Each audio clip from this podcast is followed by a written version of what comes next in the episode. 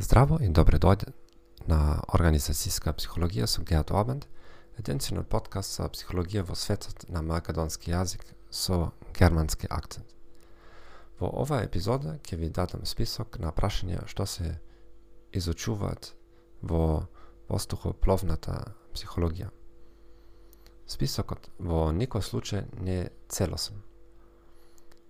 Се надевам дека ќе се вратиме на некој од нив за да можеме да зборуваме за конкретни истразувачки студии. Воздухопловна физиологија. Како реагира човечкото тело на големи надморски височини?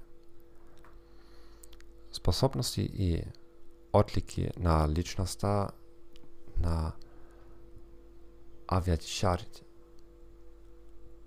кои аспекти на интелигенција и какви карактеристики на личноста предвидуваат добри перформанси на пилот. Избор на персонал, обука, човечки фактори и дизајнот на авиацијските системи, стрес и реакции на човекот, култура, организација и лидерство – воздухопловна безбедност. Аеронаутичко одлучување. Еден модел на донесување одлуки кој е популарен во авиацијската психологија е модел DECIDE.